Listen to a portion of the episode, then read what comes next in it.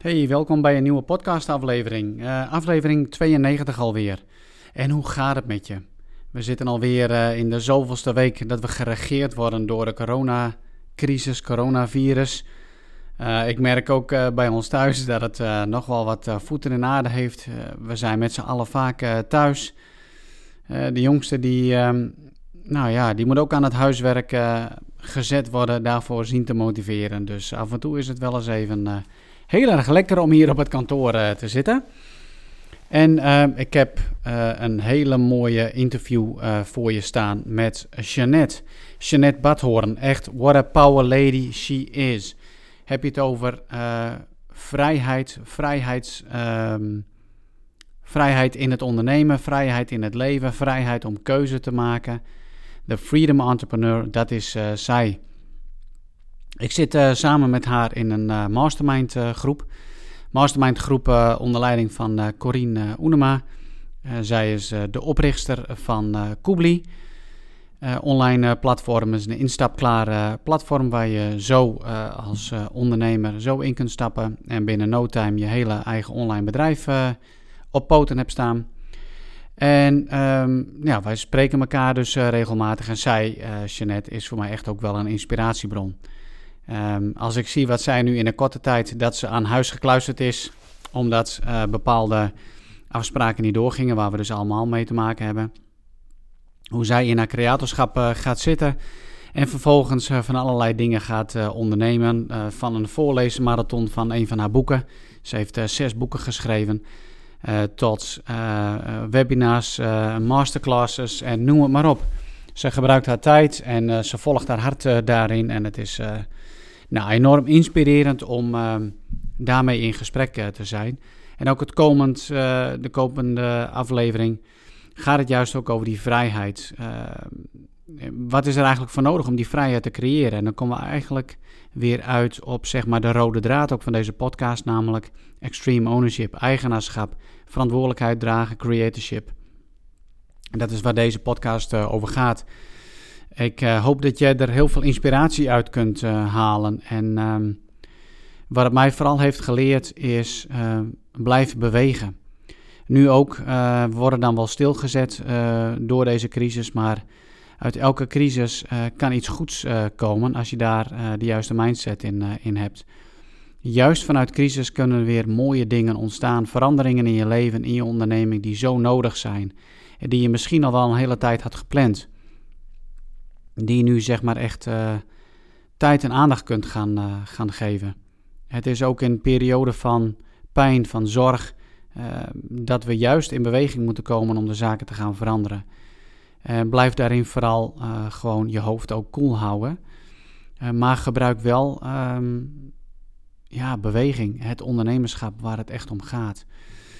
Hou niet alles bij het oude. Ik sprak vanmorgen met een goede maat van mij. We hadden het er ook over van ja er zijn ondernemers gewoon compleet in paniek uh, geraakt. Veel kennisondernemers die alleen maar uh, offline afspraken hebben, die gewoon niet eens meer weten wat ze nu uh, moeten doen, nu alles stil is gezet.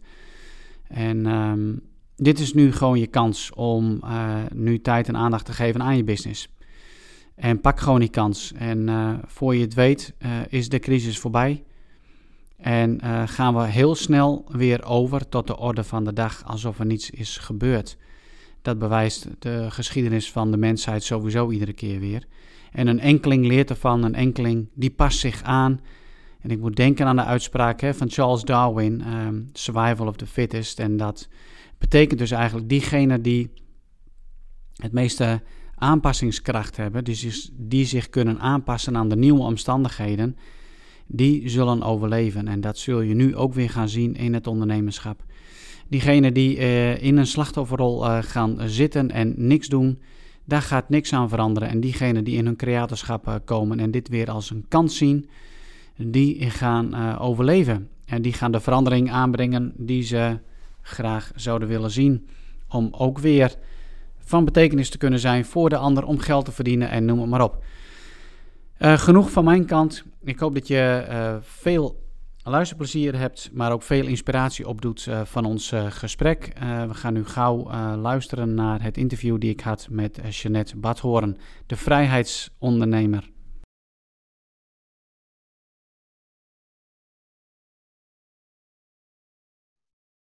Hey Jeanette, wat mij opvalt als ik jou zo volg, en we kennen elkaar natuurlijk, we zitten in elkaar in elkaars, nee, we zitten in een gezamenlijke mastermind.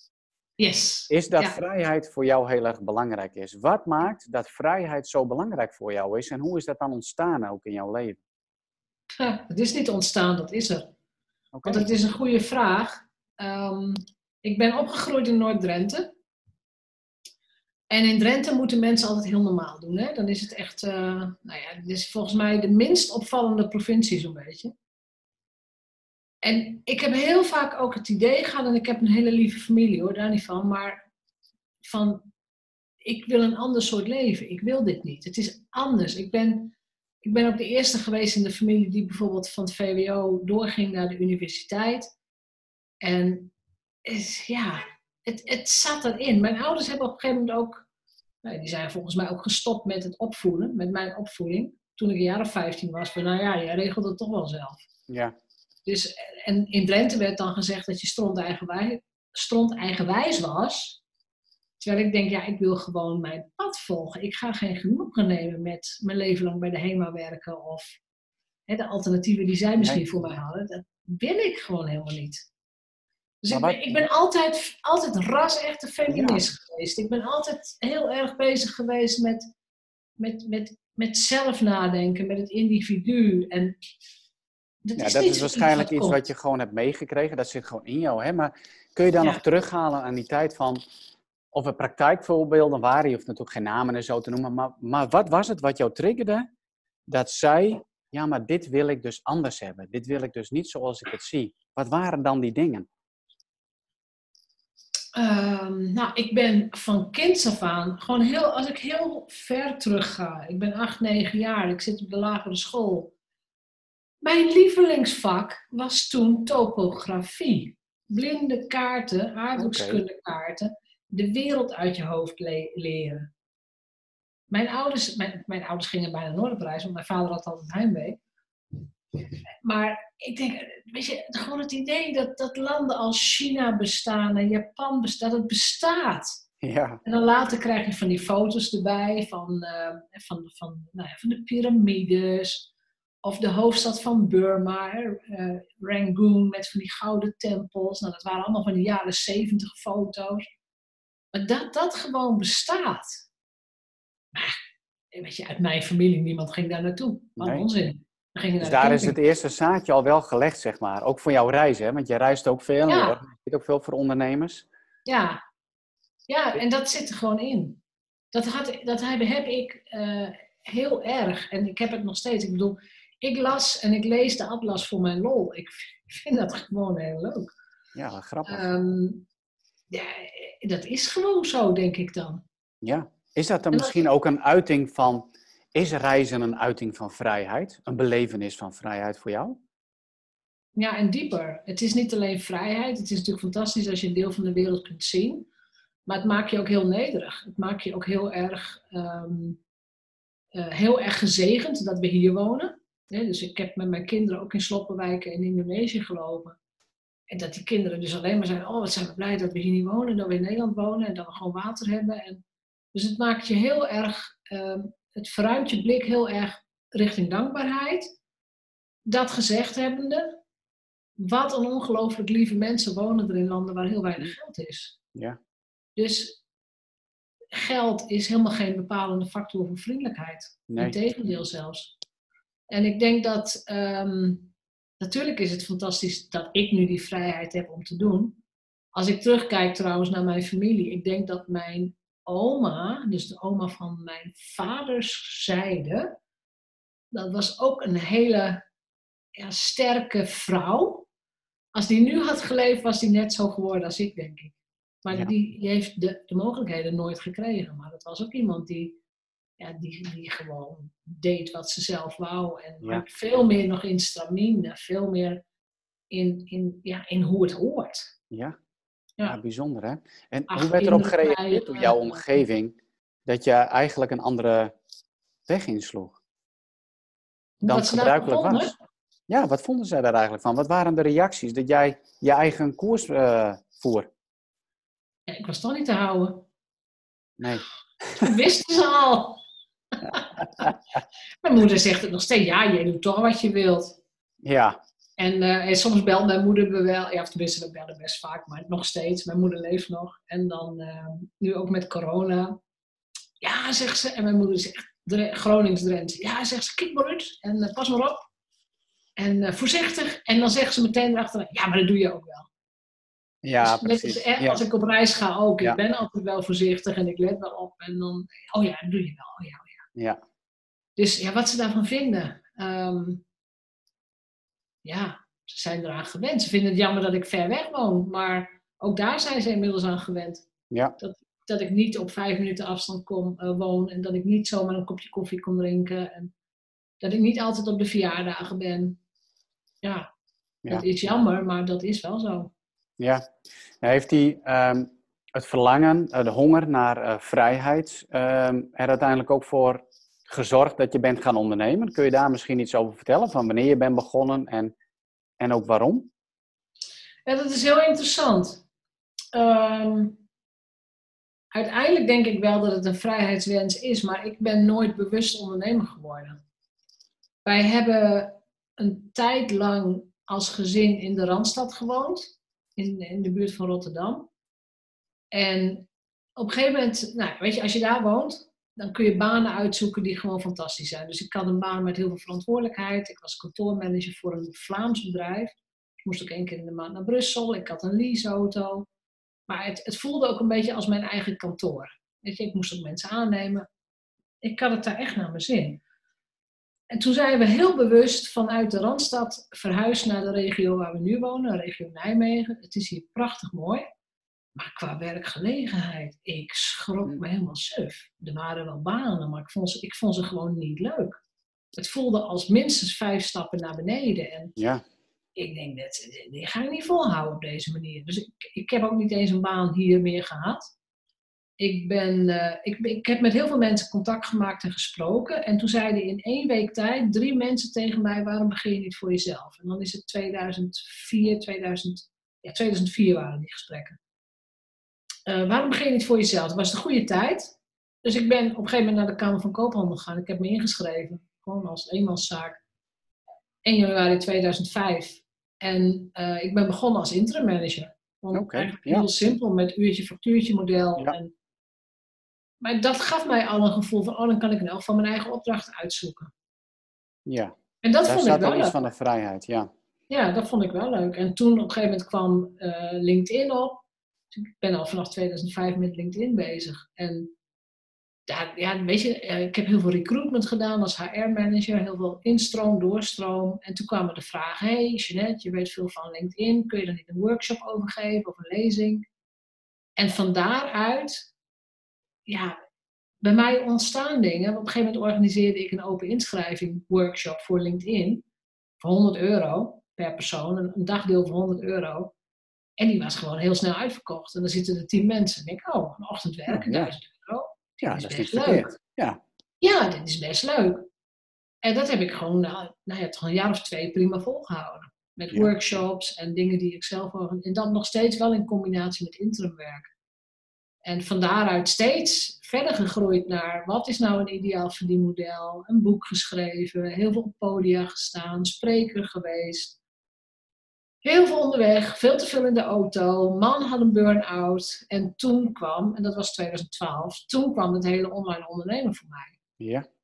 En nu zou ik gewoon, ja, ik zou niet meer zonder kunnen. Nee, precies. We, ik bedoel, we nemen dit op in de coronacrisistijd. Ja. We moeten binnen blijven. Nou, uh, voor mij verandert er helemaal niks. Gewoon helemaal niks. Ja, de, de, offline dingen zijn afgezegd, maar ik zit gewoon binnen, achter mijn computer. Ik werk, ik coach, ik geef webinars. Ja, het, ja, het grootste gedeelte van het werk gaat voor jou gewoon door. Er verandert inderdaad niks aan. En dat is uh, waar heel veel mensen nu met hun neus op de feiten worden gedrukt van, oh shit, uh, had ik het maar zo, uh, zo geregeld. Ja, was ik maar eerder begonnen? Of, ja, was ik maar eerder begonnen. Ja, wat, wat zou dan eigenlijk, want ja, jij, jij bent er eigenlijk al heel lang onderweg. Hè? Je hebt ja. volgens mij wel vijf boeken geschreven inmiddels. Zes. Zes?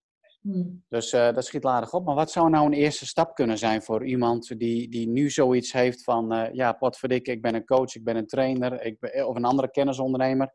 hoe ga ik nou in hemelsnaam naar online? Ik wil het wel, maar hoe dan? Wat zou een eerste stap kunnen zijn? Nou ja, je moet jezelf ook niet de hoe-vraag stellen.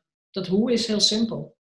Het is een kwestie van techniek en zorgen dat iemand je even kan helpen. Ja. Eh, of het nou een coach is of een VA, een virtual assistant, ja of nee. Het is veel belangrijker dat je, je altijd gewoon bij de basis beginnen. Hoe wil je dat je leven eruit ziet? Oké, ja. Ik, ik vind het fantastisch. Ik zit echt heel graag gewoon in mijn eigen werkkamer. En soms wel met Zoom en soms gewoon heb ik de hele dagen geen, geen afspraak. Maar dan kan ik dingen gaan doen, dan kan ik dingen bouwen, dan kan ik dingen opnemen, ik kan boeken lezen. Ik vermaak me fantastisch in mijn eentje. Ik heb ook geen groot team. Ik heb het allemaal, weet je, ik heb het allemaal getest en geprobeerd. En, maar dat wil ik helemaal niet. Ik hou daar dus helemaal niet van. Dus hè, terug naar die vrijheid. Laat mij maar gewoon lekker een beetje nou ja, aanklooien, om zo te zeggen. Ehm, ik vind dat heel fijn. Maar als jij daar ramgek van wordt, van mijn verdienmodel, dan moet je dus niet mijn verdienmodel kiezen. Dan moet je niet zeggen, ik doe alleen maar online coaching of ik doe alleen maar, um, ik maak online trainingen enzovoort. Ja. Dat moet je niet willen. Dus je moet heel erg teruggaan naar hoe wil ik dat mijn ideale werkweek eruit ziet. Wil ik nog uh, mensen spreken in het echt? Wil ik op een podium staan? Wil, dus wil ik een event of wil ik een workshop? En de stap daarna is jezelf ook toestaan om te gaan experimenteren. Je moet het gewoon testen. Als je nog nooit een webinar hebt gegeven, dan kun je niet aan de voorkant zeggen: Oh, dat is niks voor mij. Dat weet je helemaal niet. Nee, nou, maar dat hoor ik genoeg van, uh, van mensen om me heen. Ja. ja, ik hoor het al jaren. Terwijl ik weet uit ervaring, ook mensen die zeiden: Nou, ik vind het wel eng en ik weet niet wat het voor mij is.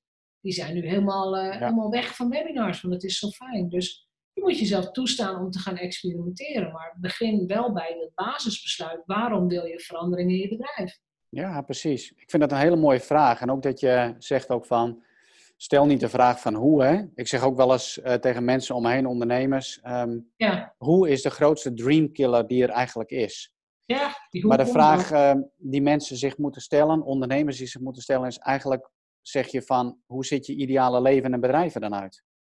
Ja, en waar krijg jij energie van en wat maakt jou gelukkig? ik, ik zou er persoonlijk niet aan moeten denken dat ik mijn agenda open doe en dat ik zie dat ik elk uur een afspraak heb met iemand anders op locatie. Bijvoorbeeld. Nee, precies. Daar zou ik heel onrustig van worden. Dan moet ik er op tijd zijn en dan moet ik, nou heel simpel, moet ik helemaal aangekleed zijn. Want ik zit ook heel vaak gewoon het eerste uur in mijn pyjama gewoon lekker achter de computer. Dan is iedereen hier nog aan het douchen en bezig. En ik denk, oh, ik hoef toch niet in beeld dan.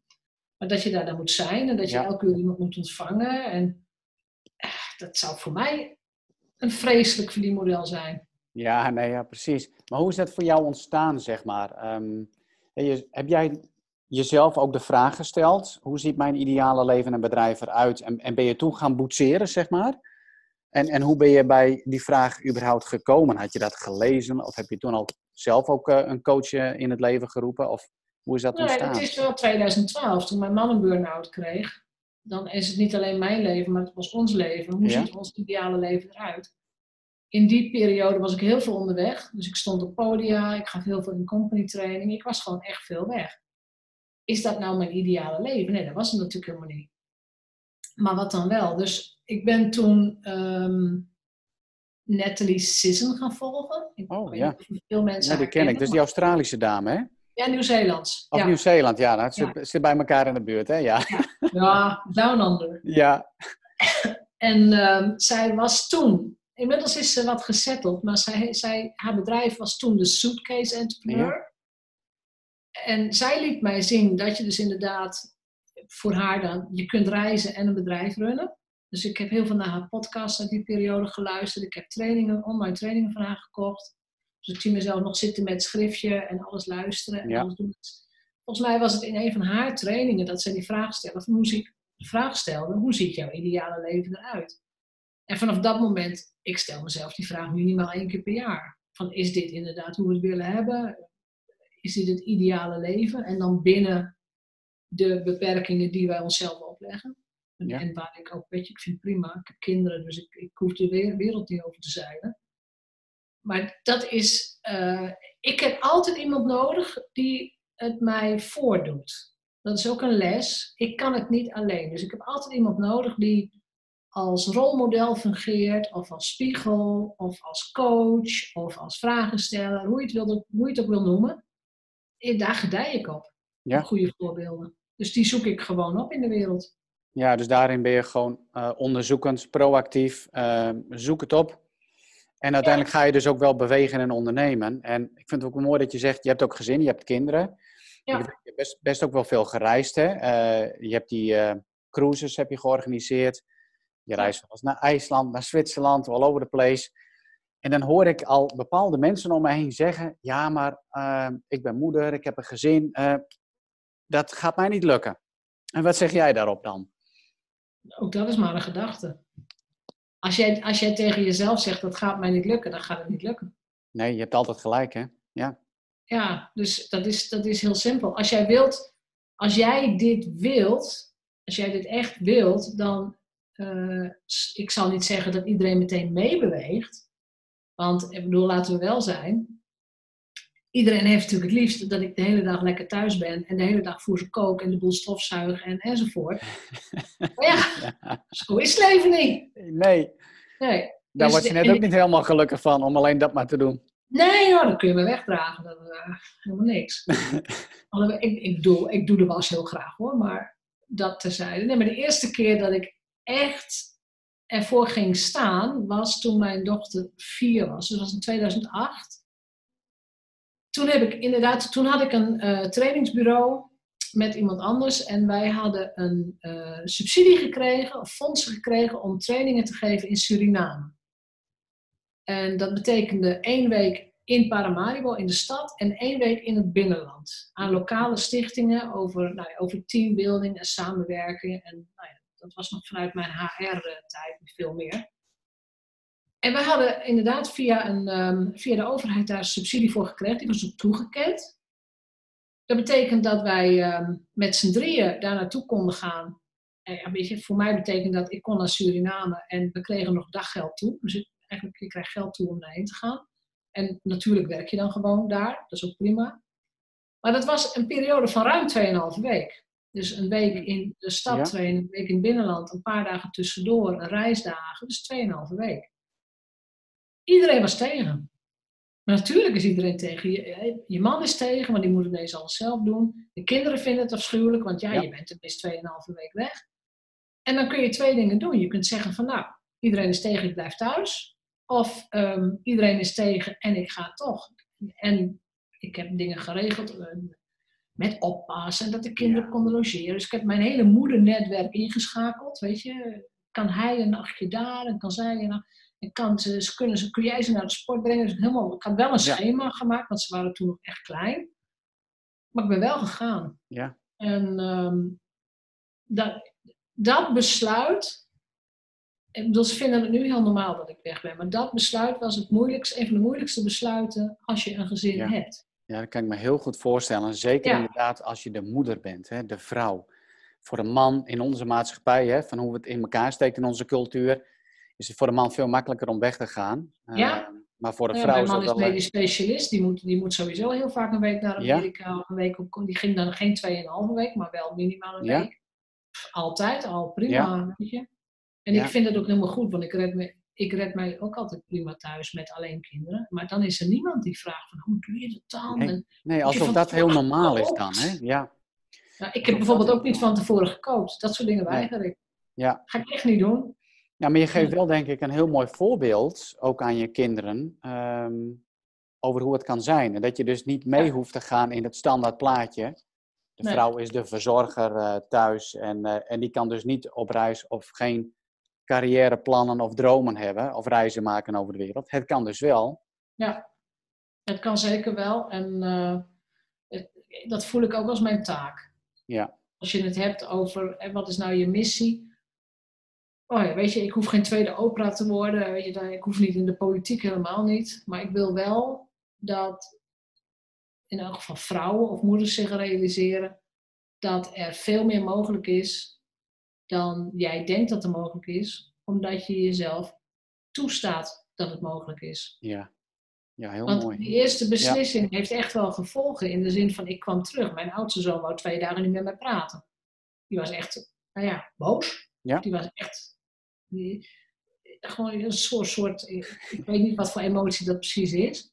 Mijn dochter was toen vier. Nou, de juf, haar juf vertelde me dat ze heel vaak, elke, hè, dat ze op school had ze zo'n zo'n ding, zo'n bloesje, dat ze ja.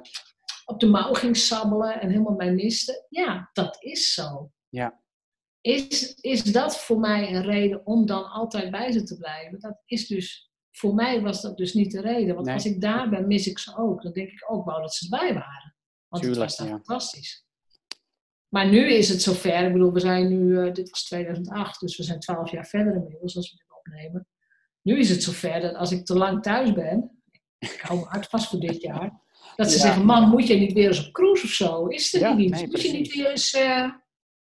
Ja, je bent zoveel thuis. Je bent wel heel veel thuis, ja. Dan willen zij ook misschien wel weer een beetje vrijheid uh, hebben. Maar ja, ja, dat krijg je dan ook wel weer. Jij zegt van, moet je niet weer eens op cruise? Je organiseert wel eens cruisen. Waarom ben je ooit cruisen gaan organiseren uh, voor ondernemers? Ja, dat is ook allemaal, dat, dingen gebeuren gewoon. Hè? Um, de eerste keer dat ik een transatlantische cruise deed, was 2015. Heb ik niet zelf georganiseerd. Maar ik zat in een community met um, meer wat nu dan de Digital Nomads heet. En iemand had op internet een aanbieding gevonden om met een cruiseschip van Gran Canaria naar Brazilië te varen. Nou, dat klinkt al heel exotisch. Ja. Maar het allermooiste was, het kostte maar 150 euro. Hé? Ja.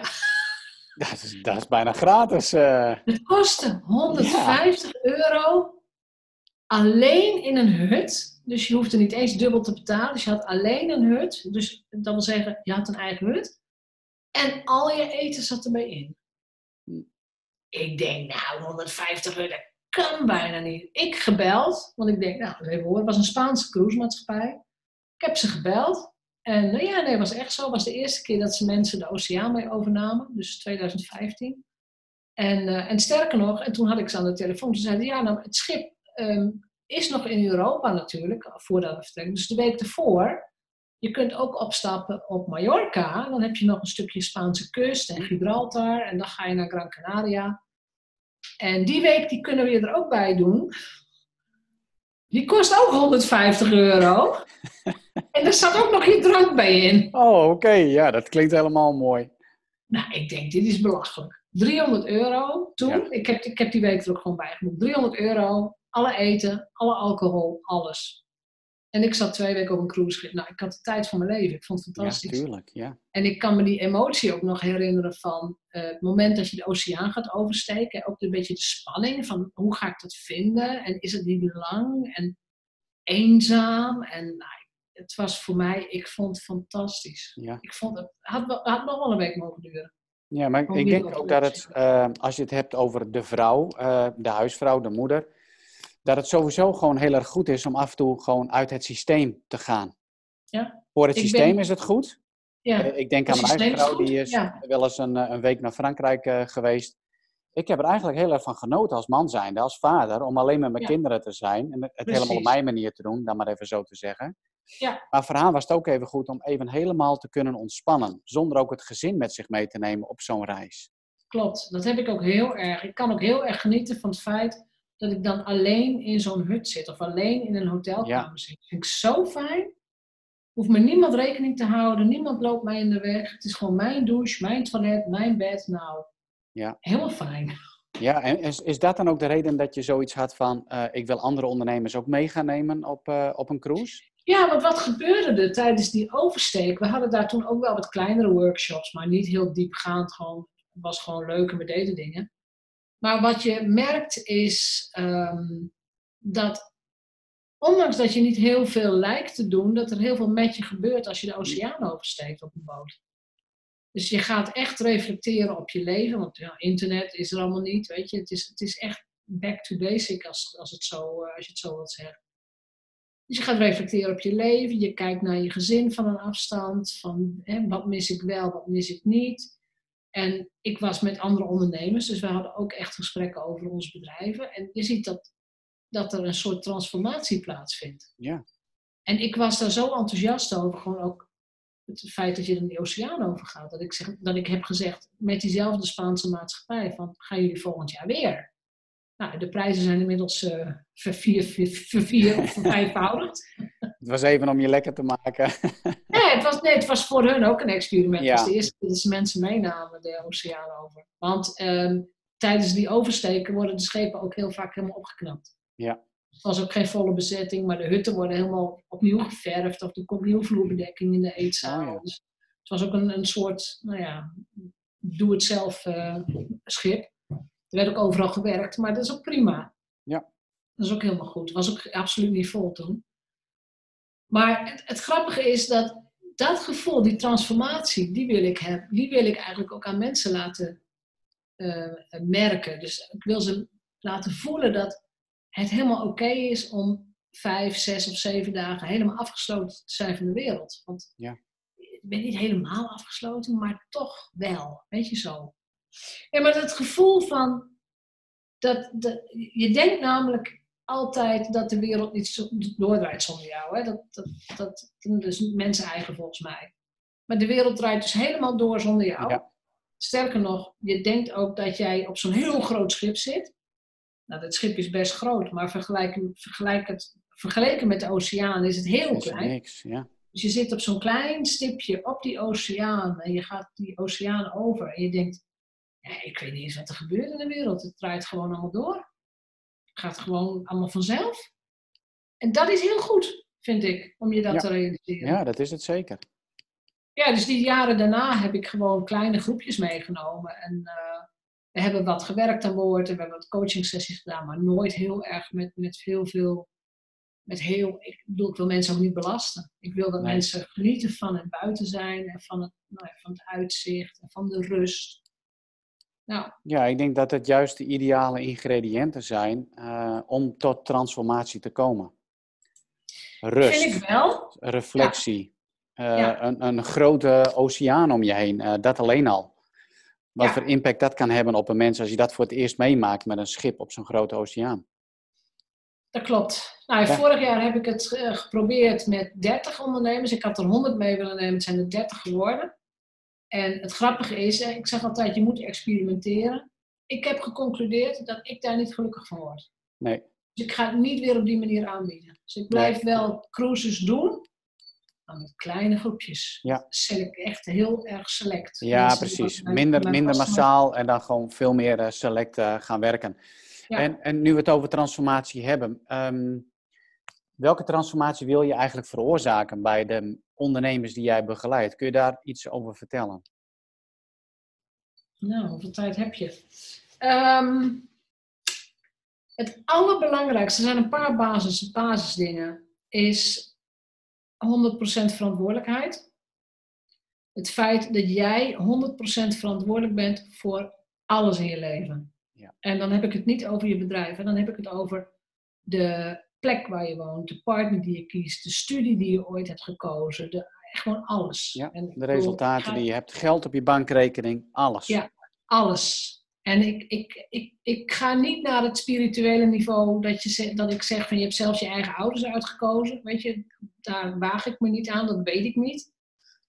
Maar vanaf het moment dat jij bewust beslissingen neemt, en wanneer begint dat een beetje? Ik denk, ja, middelbare school zal het een beetje beginnen. Dus welke school ga je naartoe? Dat is misschien half bewust, ik weet het niet. Maar vanaf dat moment heb jij ervoor gekozen, bijvoorbeeld, deed je elke dag je huiswerk? Heb jij de boeken gelezen die je moest lezen van, van school? Ja. Um, ging je op tijd naar bed? Uh, heb je gesport? Weet je, al die keuzes, niemand is daar verantwoordelijk voor, alleen jijzelf. Dus als jij nu in een beroerde situatie, want laten we wel zijn, de meeste mensen, dat, zeker ook op Facebook, de meeste mensen zijn heel erg aan het klagen vaak, hè, van... Uh, ja, en het is allemaal oneerlijk en ik heb geen geld en die graaiers, weet je, dat soort woorden. Ja. En in Den Haag, ze beslissen maar en de farmaceuten willen rijk worden. Ik denk, het heeft helemaal niets, maar dan ook niets met de kwaliteit van jouw leven te maken. Nee. Helemaal niks. Nee, maar goed. Mensen willen iets de schuld geven en niet zelf die verantwoordelijkheid dragen. Dat, dat Ja. is het hele punt. Want het kan best zwaar vo- aanvoelen als je het niet gewend bent om die eigenaarschap te hebben. Dat is het. Het, is dus, het gaat dus inderdaad over die 100% verantwoordelijkheid Ja. nemen en dan en dan werken vanuit het identiteitsniveau. Dus dat je inderdaad zegt, ik ben, en dan ga je invullen wat je ambieert, wat je wilt zijn, waar je naartoe wilt. Dus als je zegt, ik ben een betrouwbare, hardwerkende, hardwerken hoeft voor mij nog niet eens in, maar een betrouwbare ondernemer die minimaal 100.000 euro per jaar verdient. Met, en dan kun je nog eventueel producten erin zetten, ja of nee.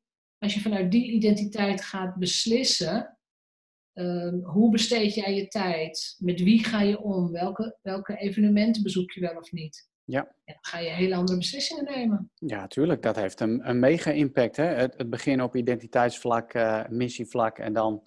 Dan gaat eigenlijk het, het gedrag gaat ook wel vanzelf wel uh, veranderen. Je gaat andere keuzes maken als het echt daadwerkelijk jouw, ik noem het dan, authentieke verlangen is. Ja. Je authentieke droom. Maar dat is, ja. voor heel veel merk ik in mijn, in mijn eigen omgeving ook wel, een, voor, voor heel veel mensen een te zware last om die acceptatie te hebben van dat zij verantwoordelijk dus, ja. zijn voor hun leven. Klopt, je moet maar, er snoei eerlijk voor zijn. Ja, je moet er echt wel rijp voor zijn, want het is een prachtige boodschap van hoop. Hè? Want als je die eigenaarschap uh, uh, accepteert en erkent, dan ben je dus ook in staat om verandering aan te brengen in je leven, maar ook in je business. Ja, klopt. Je bent niet langer afhankelijk van de omstandigheden. Nee. Je bent niet nee. afhankelijk van de goedkeuring van iemand anders.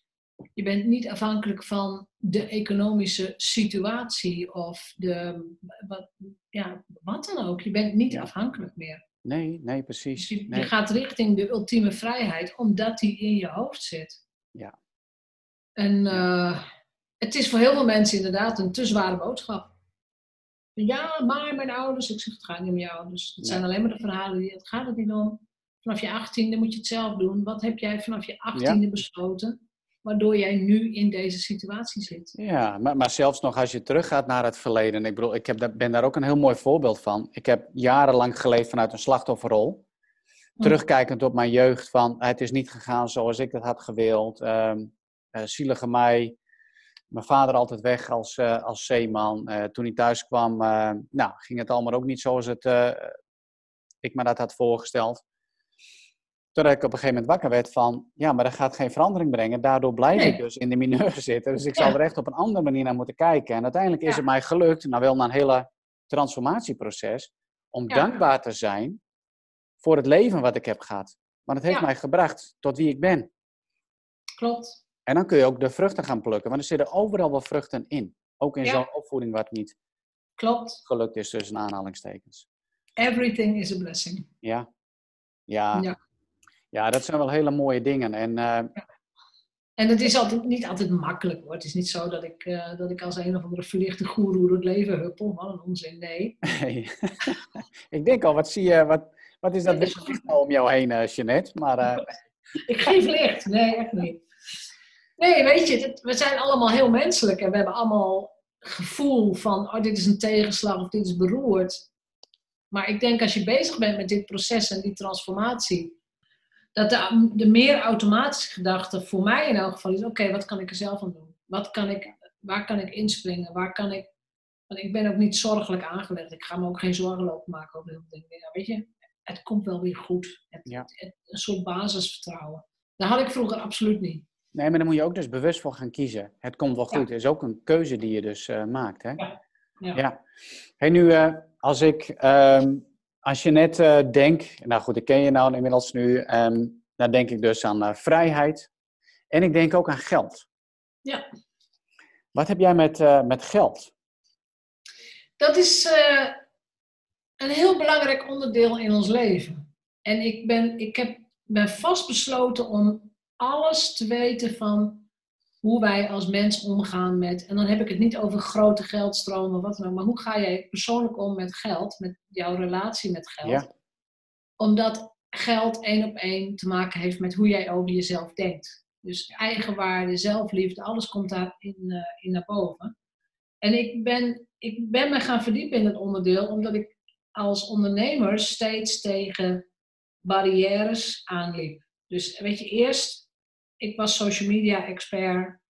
Um, ik deed lezingen enzovoort. Ik was niet meer tevreden met dat verdienmodel. Dat zei ik net ook al. Dus eerst heb ik me helemaal verdiept in verdienmodellen. welke andere verdienmodellen zijn er. Online ondernemerschap is een ander verdienmodel. Als ik iets wil weten, dan wil ik er zoveel van weten dat ik er een boek over kan schrijven. Oké. dat is gewoon mijn manier van leren en processen. En dus over geld en over geldmindset. Ik denk dat ik er al wel 35 boeken over gelezen heb, als het niet meer is. Maar het stomme is, je kunt een boek lezen, maar dan beheers je het nog niet. Dat, nee, ik kan een boek lezen over, over, over hoe leer ik fietsen, maar dan kan ik nog niet fietsen. Nee. Dus na het lezen komt het werken. Dus eerst heb ik die verdienmodellen. Toen heb ik gekeken naar, want ik noem heel, heel kort even de vier componenten van vrijheidsonderneming. Expert content. Hoe val je op? Hoe kunnen mensen jou vinden? Dat kan door video's of in dit geval de podcast of een blog of een boek. Ik heb gemerkt dat toen ik mijn eerste boek publiceerde, dat ik anders bekeken werd. Ja. Mensen, dus de buitenwereld heeft een andere perceptie van jou. Ja, in hun ogen ben jij de expert. Ja. ja. je bent auteur, je hebt dat fysieke boek. Dus ik kreeg ook fantastische opdrachten van grote bedrijven. Van, ah, wil je bij ons uh, vier keer een presentatie komen doen? We kopen ook 400 boeken bij je. En ik denk, nou, dit is makkelijk. Ja. Fantastisch. dus ja hoor, wil ik wel. Oké. Maar weet je, dus je wordt, je wordt anders bekeken als jij ook jezelf toestaat, het is weer jezelf toestaan om die expert te zijn. Ja de component die dan daarna bij, erbij komt en waar je eigenlijk nooit over uitgeleerd bent, hè, dat online selling noem ik dat, online marketing, hoe doe je het met je sales funnels, hoe schrijf je je teksten. Nou, weet je, dat is zo'n breed begrip in online ondernemerschap, maar daar valt heel veel onder. Uh, daar heb ik het ook altijd over met mijn studenten. Dus, maar wat gebeurt er? Ineens heb je een, een verdienmodel wat je bevalt. Je wordt gezien als expert. Um, en je gaat verkopen. Dus het gaat ineens goed met je. Tenminste, dat is mij gebeurd. En dan ga je dus snoeihard tegen je geldbelemmeringen aanlopen. Want er komt ineens geld binnen en dat, weet je, ik ging eigenlijk, ik had het niet eens door. Ik ging heel snel over die, uh, over die zes cijfers heen, dus over de ton. Ik had het niet eens door. Ik, weet je, want ik deed gewoon wat ik het liefste deed.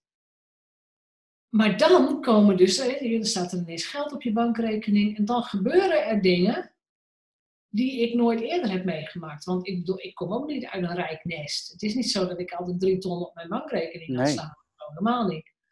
Maar dan gaan dus, of je gaat jezelf saboteren, of je gaat jezelf ineens wel vergelijken met anderen, of je gaat jezelf klein praten. Of, er gebeuren allemaal dingen waardoor ik denk, ik moet weten hoe die relatie tussen mindset, en in dit geval geldmindset, zich verhoudt tot ondernemerschap. Ja. Dus ik, heb, ik steek hem altijd in vanuit het ondernemerschap. Ja, en dan is geldmindset voor mij. Het is een super boeiend ja. onderwerp. Ja, is heel erg boeiend. En mee te maken. Wat was voor jou zeg maar het grootste inzicht dat je opdeed over jezelf als het ging over, uh, nou, ik, ik verdien nu opeens uh, geld, je hebt geld op je bankrekening staan. Wat was jouw grootste inzicht over jezelf en je relatie tot geld?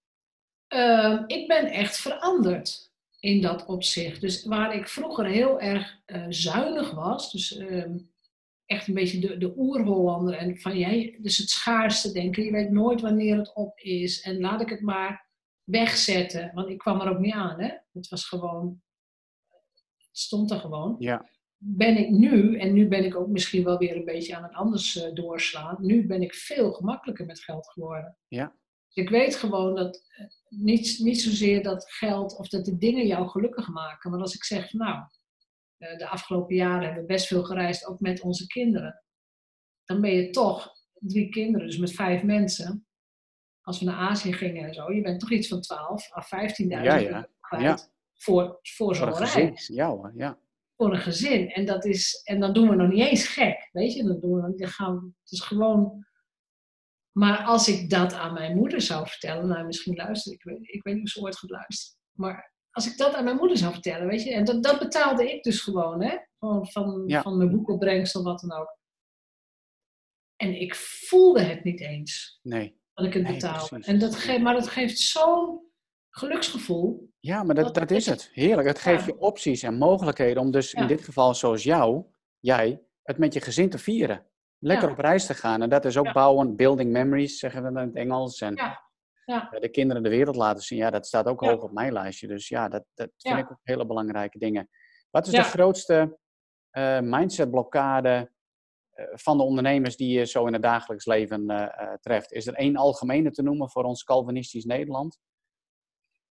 Ja, gemiddeld genomen zijn de meeste ondernemers die, die hebben te lage prijzen. Hm.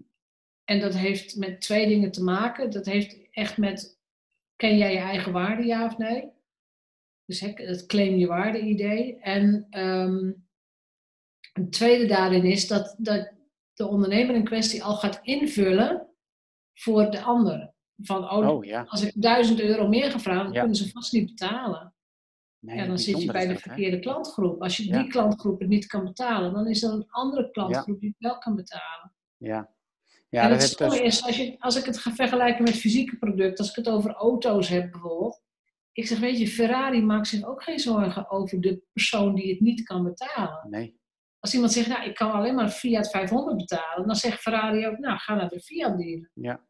ja, precies. Maar ze gaan hun auto niet aanpassen. Nee, helemaal niet. Dat vind ik wel een hele mooie. En ehm, eh, ik heb onlangs nog een eh, masterclass van je bijgewoond. En, uh, dus het jezelf gunnen is ook een heel belangrijk iets. Hè? Jezelf het goede willen gunnen. Ja. Dus ook goed betaald worden voor je diensten en, en enzovoort. Ja. ja. En dat is ook zelfliefde. Ja, dat is ook zelfliefde. Dat is wel hartstikke mooi.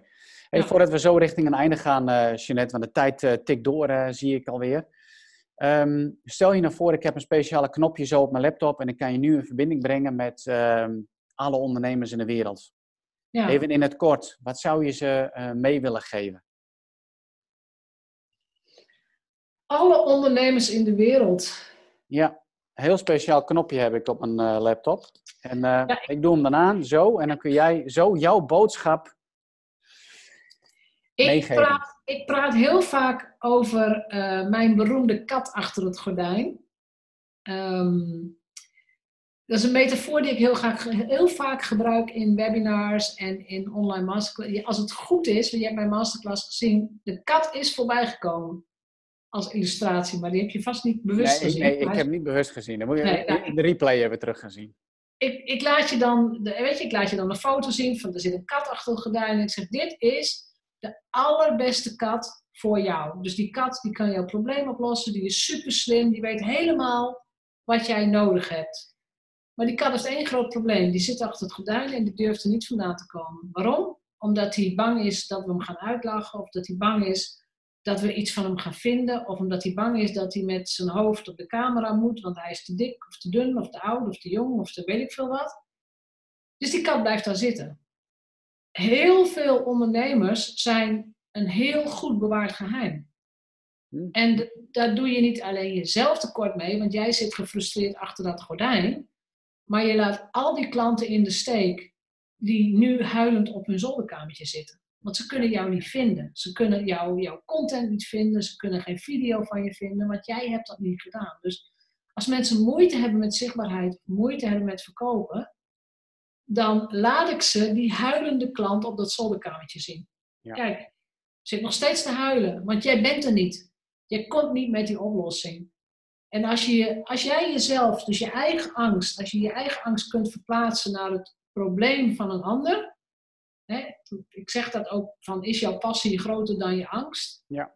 Dan is die angst er eens weg. Want natuurlijk wil je die persoon helpen en natuurlijk weet je dat je daar een oplossing voor hebt. Heel mooi. Echt dus heel mooi, ja. Ja. Ja, dat doet me denken aan de uitspraak van Les Brown ook. Ken je die motivational speaker, die donkere man? Ja, Les ja, Brown uit Amerika. Hey, Ik vind hem zo geweldig. Echt een typisch Amerikaan. Maar die zegt ook van... De rijkste plek op aarde is uh, helaas uh, het begraafplaats. Ja. Waar alle mensen liggen begraven met al hun ideeën en al hun oplossingen voor heel veel pijn, ellende, ziekten in de wereld. Maar ze hebben het niet durven kenbaar maken. Klopt. Dus, uh, ze, blijven, ja, ze, blijven achter dat gordijn omdat, weet je, je kunt altijd wel, een, altijd wel een reden verzinnen om iets niet te doen. Nee, maar, heel heel het zegt, die huilende klant op top, als je daar je focus op legt, dan haal je de focus van jezelf af. En dan, dan kom je weer in verbinding met jouw passie. Ja. En met datgene wat je kunt leveren. En dat, dat geeft je weer kracht en moed om verder te gaan. Soms zeg ik het ook letterlijk tegen mensen. Doe eens niet zo egoïstisch, maar je bent alleen maar met jezelf bezig. Ja, een hele goede klets, klets. Ja, maar wel mooi. Het is af en toe wel gewoon hartstikke Vind ik mooi. Ja, nee, het is ook zo. En ik heb hem af en toe ook wel eens, uh, ik heb hem ook nog wel eens gewoon nodig in mijn leven. Om dat, om dat weer eens te horen. Die focus van mezelf af te halen naar de ander te leggen. En dan krijgen we uiteindelijk ook een veel betere wereld door als we die focus op de ander leggen. Ja. Ehm, nou, dus ik vond het super waardevol om naar jouw verhaal te luisteren. En waar kunnen mensen jou vinden? Waar ben jij het meeste op actief? Op sociale media, Instagram, Facebook, LinkedIn. Gewoon op mijn naam. Gewoon Jeanette Badhoorn. Jeanette ja. Badhoorn. Op Facebook de Vrijheidsondernemers pagina, maar ik heb ook een gratis vrijheidsondernemersgroep. Dus daar heb ik het ook over ondernemerschap en over verdienmodellen en alles wat daarmee te maken heeft. Uh, en verder heb ik twee websites. Ik heb jeanettebadhoorn.nl en jeanettebadhoorn.com. Dus in het Nederlands en in het Engels. Nou, ik zal ervoor zorgen dat. En als je mijn naam in Google eh, gooit, ik sta ook nog op YouTube, ik sta overal op, joh. Je staat overal. Ja, als je zes boeken hebt geschreven en, uh, en noem het allemaal maar op, dan, uh, dan sta je ook overal. En ik zal ervoor zorgen dat die linkjes wel even in de shownotities komen, dat mensen jou makkelijk kunnen vinden. Ehm, super, dankjewel Jeanette. nou, wij zien elkaar, spreken elkaar gauw. Ja, is goed. Dankjewel.